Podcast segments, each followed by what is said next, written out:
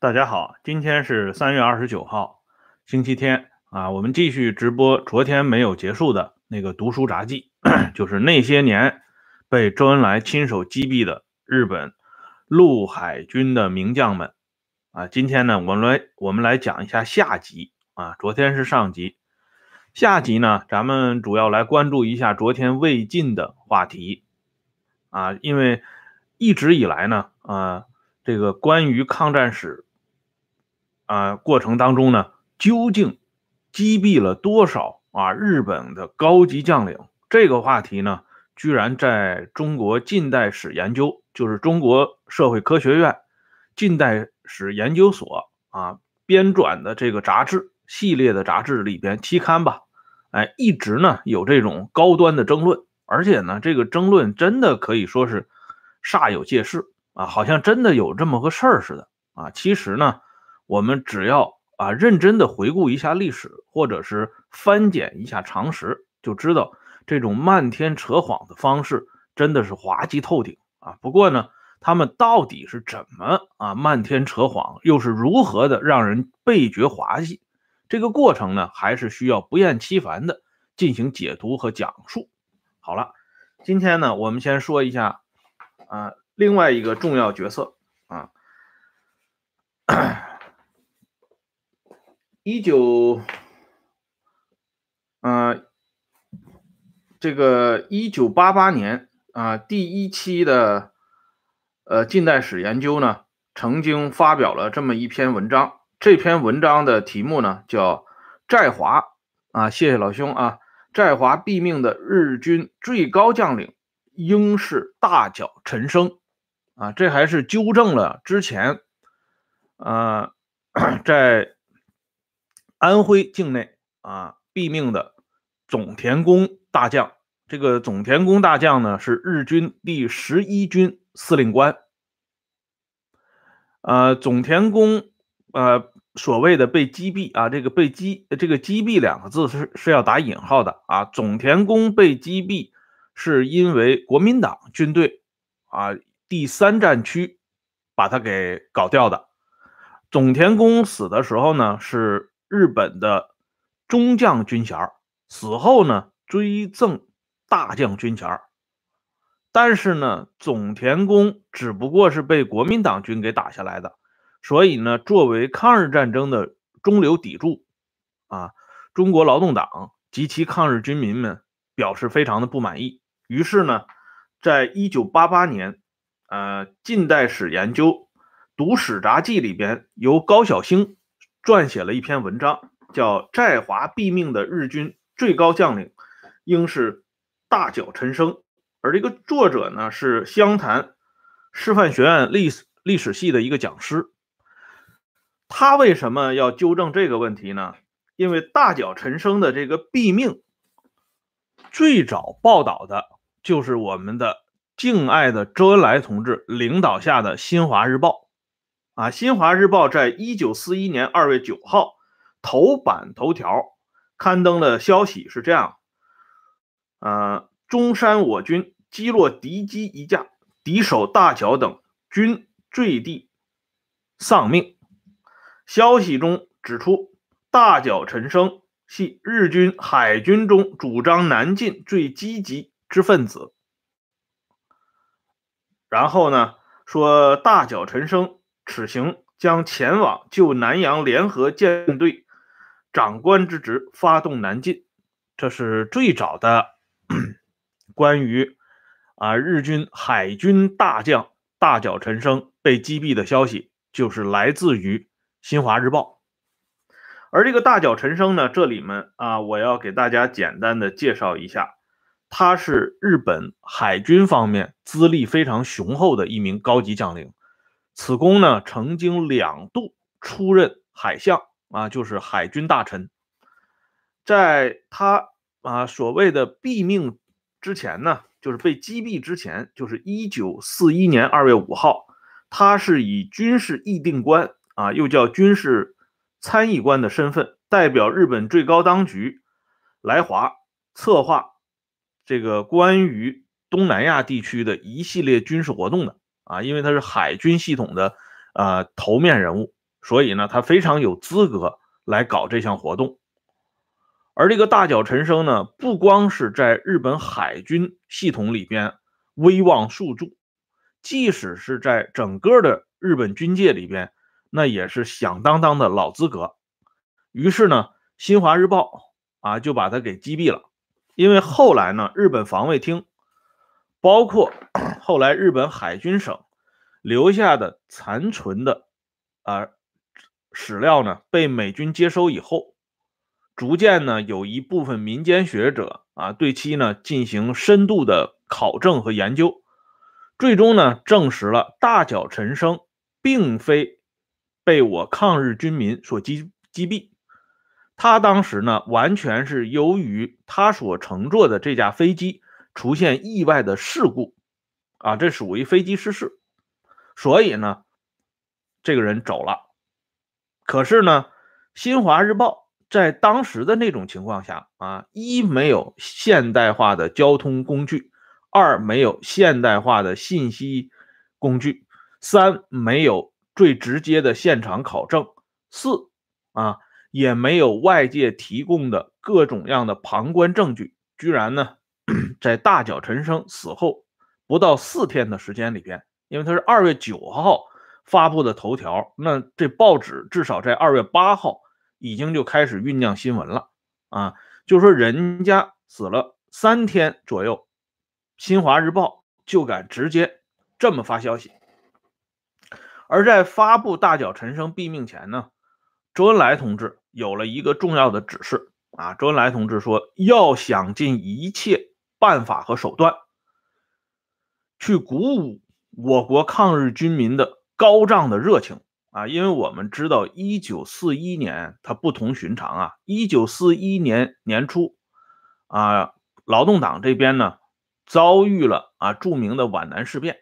啊，在这个皖南呢，新四军的主力部队遭到痛歼，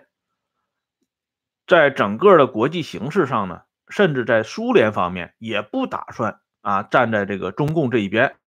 所以呢，毛泽东急于想报复皖南事变的这个举动呢。只好啊，暂时的啊停搁置起来啊，这是憋了一口恶气，始终没出来。更主要的呢，从大的形势来看，一九四一年啊，日本的势力在中国、在亚洲空前的高高涨啊，甚至在这一年的年底呢，著名的珍珠港事件就爆发了啊。因此，周恩来认为这个时候及时的发布日军。海军大将这个级别的人物啊，被我抗日军民击毙，非常有助于激励大家久以这个啊，就是消沉的这种啊信心和勇气。他是完全从政治宣传角度来设计的这么一个版面，所以这个消息呢以讹传讹，居然呢流传至今。但是呢，历史就是历史，或者说。真相就是真相，人家到底怎么死的啊？日方呢，现在已经有大量的材料予以证实，这是一方面。那么我们再来看一下，在大脚陈生死前的另外一个，就是总田宫大将，就是追赠为总田宫啊，追赠为大将的总田宫啊，这个总田宫是怎么死的呢？这个是国民党方面的报道啊，他是讲 一九三九啊，就是继一九三九年十一月七号和一九四二年五月二十八号击毙阿部圭秀和酒井这两位陆呃陆军中将之后呢，一九四二年十二月十八号驻守在安徽境内大别山区的。国民党军整编第二十一集团军第幺三八师高炮部队，在太湖县境内上空击毙日本驻汉口第十一军司令官种田宫大将。啊，这是国民党方面报道的消息。这件事情呢，啊，说实话，昨天大克先生在我的这期节目上集的时候的回复呢，或多或少就已经做了一个剧透。啊，就是说。国共这两个党呢，当时在抗日战争当中发布的这些虚假消息，那都是在本质上没有实质性区别的。不过呢，在量的问题上确实是有差距。哎，这个 最厉害的当然首推这个劳动党啊，他是根本就不用了解事情真相是什么样，完全是象壁虚造，完全凭借政治需要啊，主只要是我政治上的宣传到位的话，那么我这新华日报大笔一挥，大脚陈升就死在我的笔下了啊！明天我一高兴，我马上要讲的。啊，这个水川一夫中将啊，就成了皇族了，啊，也毙命在我抗日军民之下，啊，总之呢，这个新华日报在整个抗日战战争当中，他所编造的谣言，类似于今天在国际啊这个政治新闻舞台上活跃的另外一张啊盐碱地的著名的报纸啊，居然呢是以啊某球某报著称。啊，这两张报纸呢，真的是 一前一后，相得益彰，而且呢是主脉相传，息息相关，可以说是深得主语中锋啊之垂目啊。国民党方面呢，说实话，他呢编造谣言，呃，总体来讲路径不是特别熟悉，啊，因为撒谎嘛，这个活毕竟不好干，而且国民党尽管是弱势独裁体制。可是呢，他们这些啊，从上层到底层，毕竟呢还有一点底线，所以这个谎言呢，啊，正是因为有点底线，所以这个谎言很容易就让人发现，因为他说说谎的时候他脸红啊，哎，他一脸红呢，大家就容易发现，哎，他是不是在撒谎啊？可是新华日报不一样，新华日报撒谎的时候呢，比平常说话的时候还要理直气壮，你根本看不出来他是在撒谎。啊，仿佛呢是在啊痛说革命家史。这个总田宫的毙命呢，他这个谎言最初是来自于何应钦在一九四六年四月二十号撰写的《八年抗战之经过》的记载啊，就是说这个总田宫是毙命于国民党军呃之下。可是后来呢，这个呃整个的这个我们把这个过程啊梳理一下。就会发现这个谎言编造的比较滑稽，就是说，你看到了，呃，国民党退台之后啊，退到台湾之后，国防部史政局对总田宫死亡的啊日期就已经开始对不上了啊。国防部的日期是十二月八号啊，这个蒋纬国呢啊也附和这个日期十二月八号，可是呢，太湖党史资料。啊，就是国内编的太湖党史资料显示的呢，是十二月十八号，而日本方面防卫厅作战时，呃，介绍的时间呢是十二月十八号，就是说十二月八号和十二月十八号这有两个不同的时间，而关于这个总田宫的名字呢，台湾国防部史政局呃写的名字和日本。防卫厅战史研究室写的名字也是完全不同的，而击毙总田宫的部队呢？按说谁击毙的，这个应该是实打实的东西，是来不得半点虚假的。可是国民党方面呢，呃，说的也都是啊，各说各的。有的说呢是高炮部队，有的呢像卫立煌的秘书赵荣生就说宿松县呃的一门高射炮。啊，干脆没说是谁打的啊，就说一门高射炮。台湾国防部史政局说的是第一百三十八师，而蒋纬国呢说是第二十一集团军所部第幺三八师，还有呢就是笼统的说为我挺进部队。总之呢，这些说法最终通过对历史。啊，最本源的对照发现呢，都对不上。而这个总田宫，他真实的死亡啊过程呢，跟大脚陈生差不多，因为这个飞机的机器零件出现损害损坏，总田宫呢 就是飞机失事死了。这个过程呢，当时有一个最原始的资料，就是中国派遣军总司令啊，日本中国派遣军总司令给日本军部打的报告。因为当时呢，第一时间里啊，中日版日本呢，就是对这个总田宫飞机失事以后，进行了全方位的抢救啊，把这些人的遗体啊马上进行整合啊，进行辨认。然后呢，呃，进行法医的这个勘测啊，到底是死于什么样的原因？最后呢，形成报告，向日本军部做了这个详细的解述。而且呢，后来在研究日军侵华史，日本学者呢，也有两位学者提出了关键性的证据，证实了这位第十一军司令官总田宫到底是怎么啊去世的。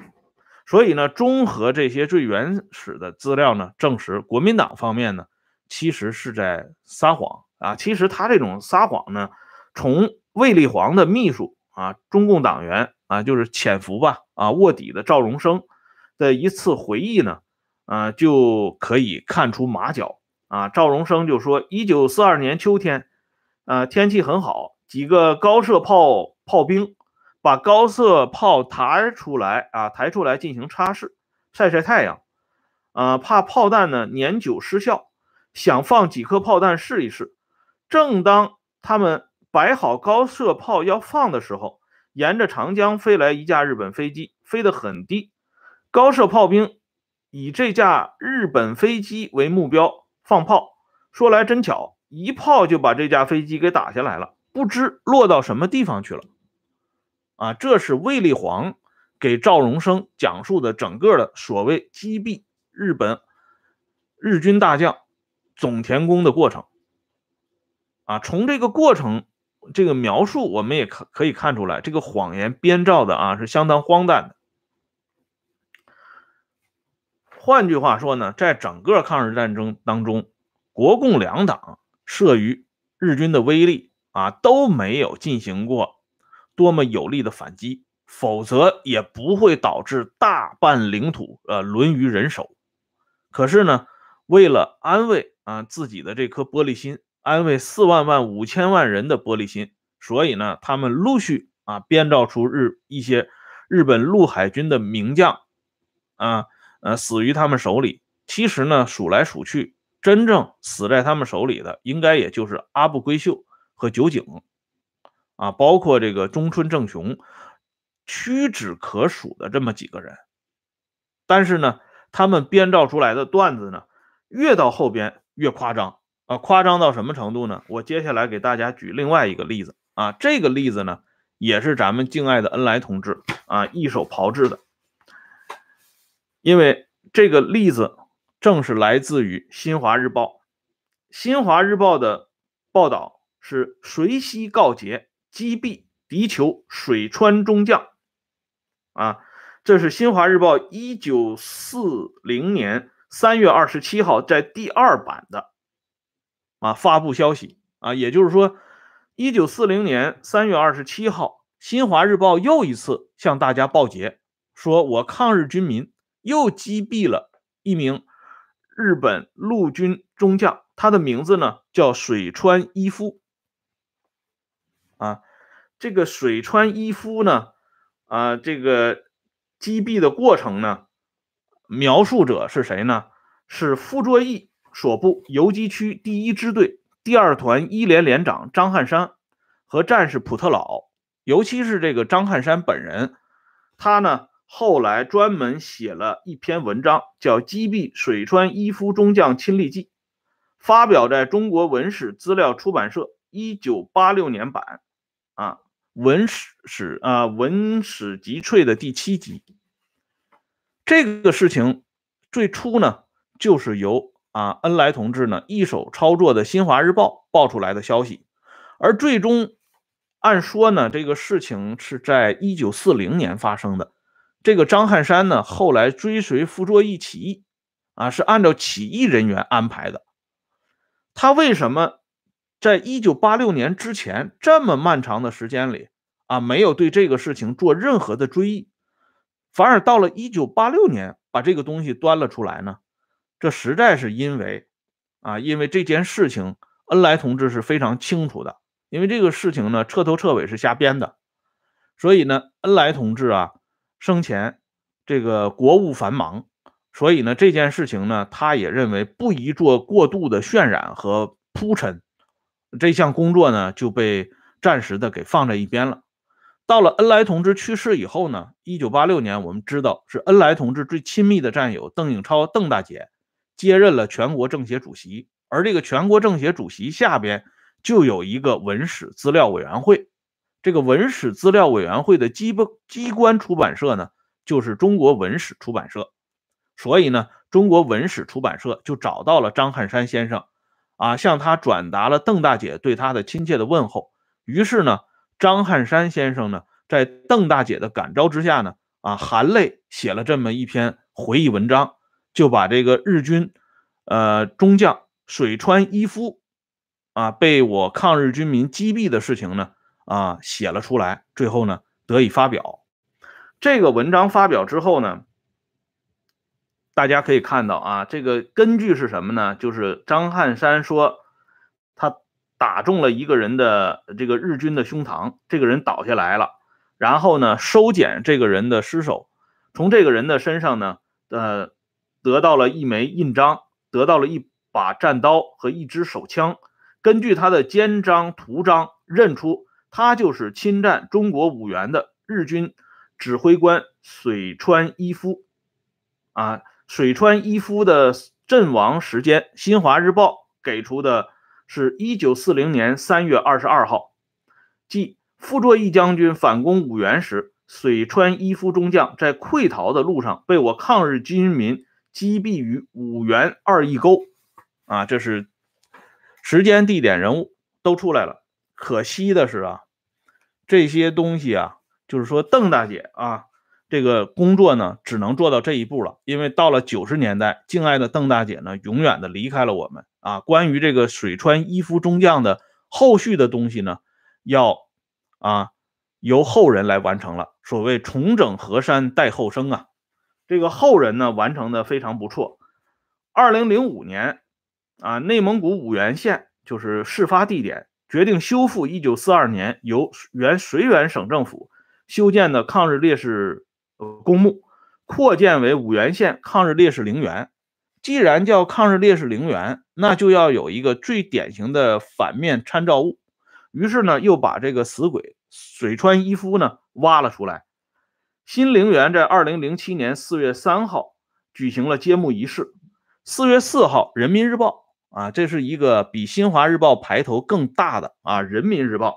发布了重要的文章。文《人民日报》呢？抬头是这么写的啊，当初在五原县，我抗日军民一举击毙日本皇族水川一夫中将。啊，原来呢，恩来同志和邓大姐呢，他们这个麾下的新华日报和中国文史出版社啊所编造的消息呢，只还说是水川一夫中将，但是到了二零零七年啊，咱们这个。非常可爱的人民日报呢，就添加了“皇族”两个字，啊，这水川一夫呢又升格了，从这个中将一下子又升到皇族了。这么一升格呢，这个小小的五原县，小小的五原抗日烈士陵园，一下子就变得熠熠熠生辉起来啊！因为大家呢，作为这个抗日军民的后裔，想一想祖宗的荣光，心里不免啊。心潮澎湃，看看我们祖宗多厉害，一举就把这个日军皇族、日本皇族就给击毙了。然而呢，还是咱们这些啊啊子孙后代，就是二零零九年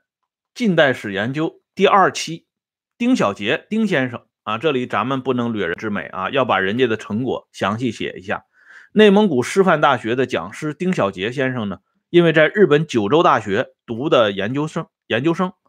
他主攻的呢就是近代史研究，所以呢，他爬格子啊，翻检这些史料，最终呢，写出一篇考证文章，证实啊，无论是恩来同志，还是邓大姐，还是人民日报啊，都是瞎编的。这水川一夫呢，既不是日本陆军中将，啊，更不是什么皇族啊。他真实的身份是什么呢？这个丁小杰先生呢啊做过一个解说啊，水川一夫本人，他的实际职务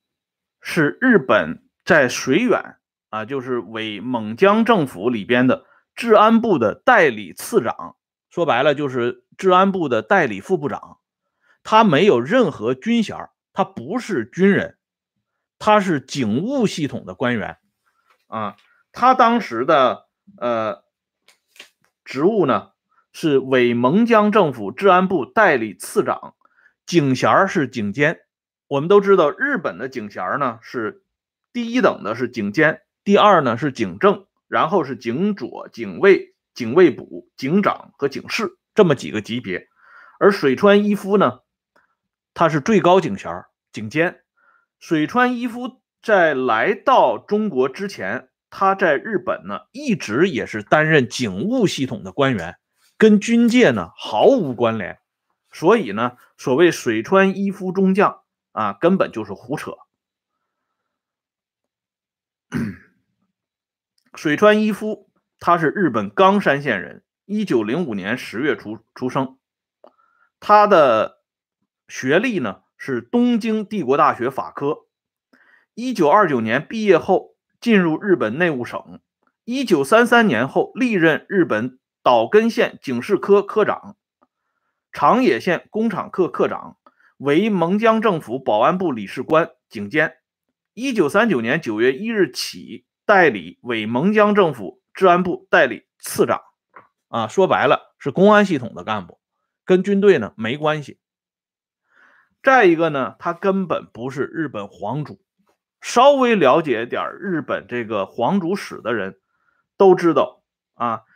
日本明治末年这个公家，我们都知道啊，这个天皇的男性子孙成年或者成婚后，除被立为皇太子以外的，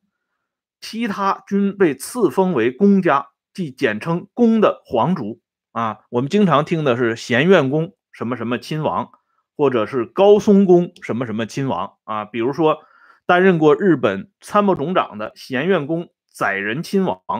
啊，以及这个东九耳宫圣后王，以及上海派遣军司令官朝香宫鸠彦王啊等等，这是人家日本皇族的啊这个象征。而明治末年的公家呢，有福建宫、七川宫、咸院宫、小松宫、北白川宫等等。大正年间呢。有小松宫、华鼎宫啊，就是无嗣啊，没有子嗣被废除，剩了十一个公家啊。到了一九二二年，这个又设立了义父呃致富宫。一九一三年设立了高松宫，三五年设立了三立宫，增加到十四个公家。一九四七年，根据新的皇室典范，除了致富宫、高松宫和三立宫以外，其余十一个公家均脱离皇籍，成员呢变为平民。这是这么一个过程。而这个十四个公家里头，根本就没有这么一个水川宫啊！不知道这人民日报是怎么把这水川一夫跟日本皇族给联系起来了？它的根据是什么？人民日报呢，通常是不做这方面解释的啊，即使是错了。人家也从来没更正过，说兄弟我搞错了啊，这没没必要跟你们解释。而更可笑的是呢，水川一夫这位既不是日本陆军中将的啊，也不是日本皇族的，他呢压根儿就没死在陕这个水水远的五原，他是平安的死在了日本神奈川县的横滨市，享年呢八十多岁，一九零五年生人。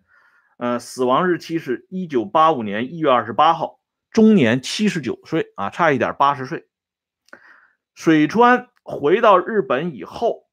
啊，担任过冲绳县的警察部的部长。四六年，一九四六年还担任过东海北陆地方行政事务局次长。一九四九年出任过总理府失业对策审议会事务局局长。一九五二年。还兼任过总理府失业对策审议会专门调查员。而且呢，在一九五四年的时候，水川一夫在《劳动时报》一九五四年第三期专门发表了一篇文章，叫《失业对策之展望》。就说人家到一九八四呃一九五四年还发表文章呢，可是呢，这边呢居然就说人家在一九四零年就死在这个五原了，而且这个时间啊，我给大家再说一下，这个时间非常滑稽。我们看一下。水川一夫是死于一九八五年一月二十八号的，而张汉山的回忆呢，是一九八六年出来的。换句话说呢，中国方面是非常清楚水川一夫是什么时候死的。这也就是为什么恩来同志在生前呢一直没有安排水川一夫阵亡过程这类文章陆续出台的原因，因为恩来同志非常清楚。这水川一夫他活着啊！如果这个时候你写什么回忆文章，说啊中将水川一夫阵亡了，那是不是人家事主会找上门来啊？这也未可知啊！所以恩来同志做事很谨慎。邓大姐呢，丝毫不逊色啊！邓大姐因为跟恩来同志很久了，她的这个把握恩来同志的这种脉搏呢，把得很准，所以呢，早不出这个张汉山的回忆，晚不出张汉山的回忆。直到啊，中方了解到张呃这个水川一夫在八五年一月二十八号去世之后，在八六年张汉山的这篇文章一下子从天而降了，因为死人是不会说话的啊。到了二零零七年，这人民日报就更厉害了啊，完成了邓大姐没完成的遗愿，吧唧把这皇族的帽子扣到了水川的脑袋上啊。水川的后代想必人家对这个抗战史也没有那么厚的兴趣。自然呢也没有追责，于是呢，这个谎言一直弥漫，到了二零零九年，近代史研究第二期才由丁小杰丁先生把这个事情呢给挖了出来。但是我们知道啊，到过五原抗日烈士陵园的人未必能看到二零零九年第二期的这个近代史研究，未必仔细的了解过水川一夫啊是正常死亡，也并非日本皇族和陆军中将。所以呢，在这个阵阵的哀乐声中呢，大家牢记的仍然是《人民日报》的那条消息啊，因为《人民日报》的那个消息就是堂而皇之的出现在这个五原的这个烈士陵园的这个展览馆当中啊，啊，专门有这个影印件放在那里，所以去过展览馆的人，呃，一一参观，哦，原来这个水川一夫还是皇族啊，这么大的来头啊，我们打死了这么大的一个日本的敌人。啊，心中呢这种自豪感又油然而生了，所以这种谎言呢，啊，真的是很滑稽。况且呢，最滑稽的是，这种谎言在他们起家的时候呢，啊，就一直起过非常大的作用。当他们稳固了这个政权之后呢，他们认为这谎言是杀手锏，继续呢将其升腾，而且直到今天，这种谎言仍然弥漫在天地之间。仍然被很多人衷心的所信奉，啊，这才是啊，这个恩来同志给我们留下的遗泽，啊，真的是遗泽深远啊。好了，今天呢，咱们关于这个啊，恩来同志亲手击毙的日本陆海军名将的这个话题呢，我们就解说到这里。通过对历史的追忆和梳理，我们可以看到啊，一个真实的抗日战争的。侧面，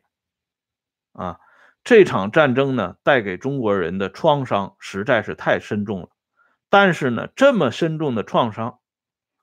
很多人呢没有从中吸取任何有价值的经验和教训，反而呢，仍旧是把这个喜事儿啊，把这个丧事当成喜事儿办，